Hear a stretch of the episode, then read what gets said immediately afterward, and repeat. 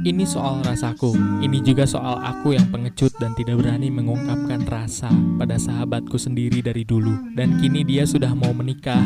Baru sekarang aku resah. Dia mengundangku untuk datang ke acara pernikahannya nanti. Tapi aku masih bingung. Aku harus berkata apa pada mempelai prianya nanti? Apakah harus menitipkannya? Tapi itu pasti akan meninggalkan tanya.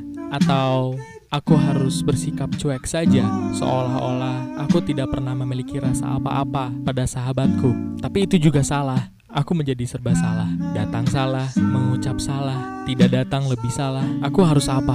Jika aku tak berkata, maka dia akan menyangka aku tidak pernah ada rasa. Tapi jika aku berkata, dia akan mengira aku baru ada rasa, padahal tidak. Dua-duanya salah. Aku memang punya rasa, tapi dari dulu, dari sejak pertama bertemu. you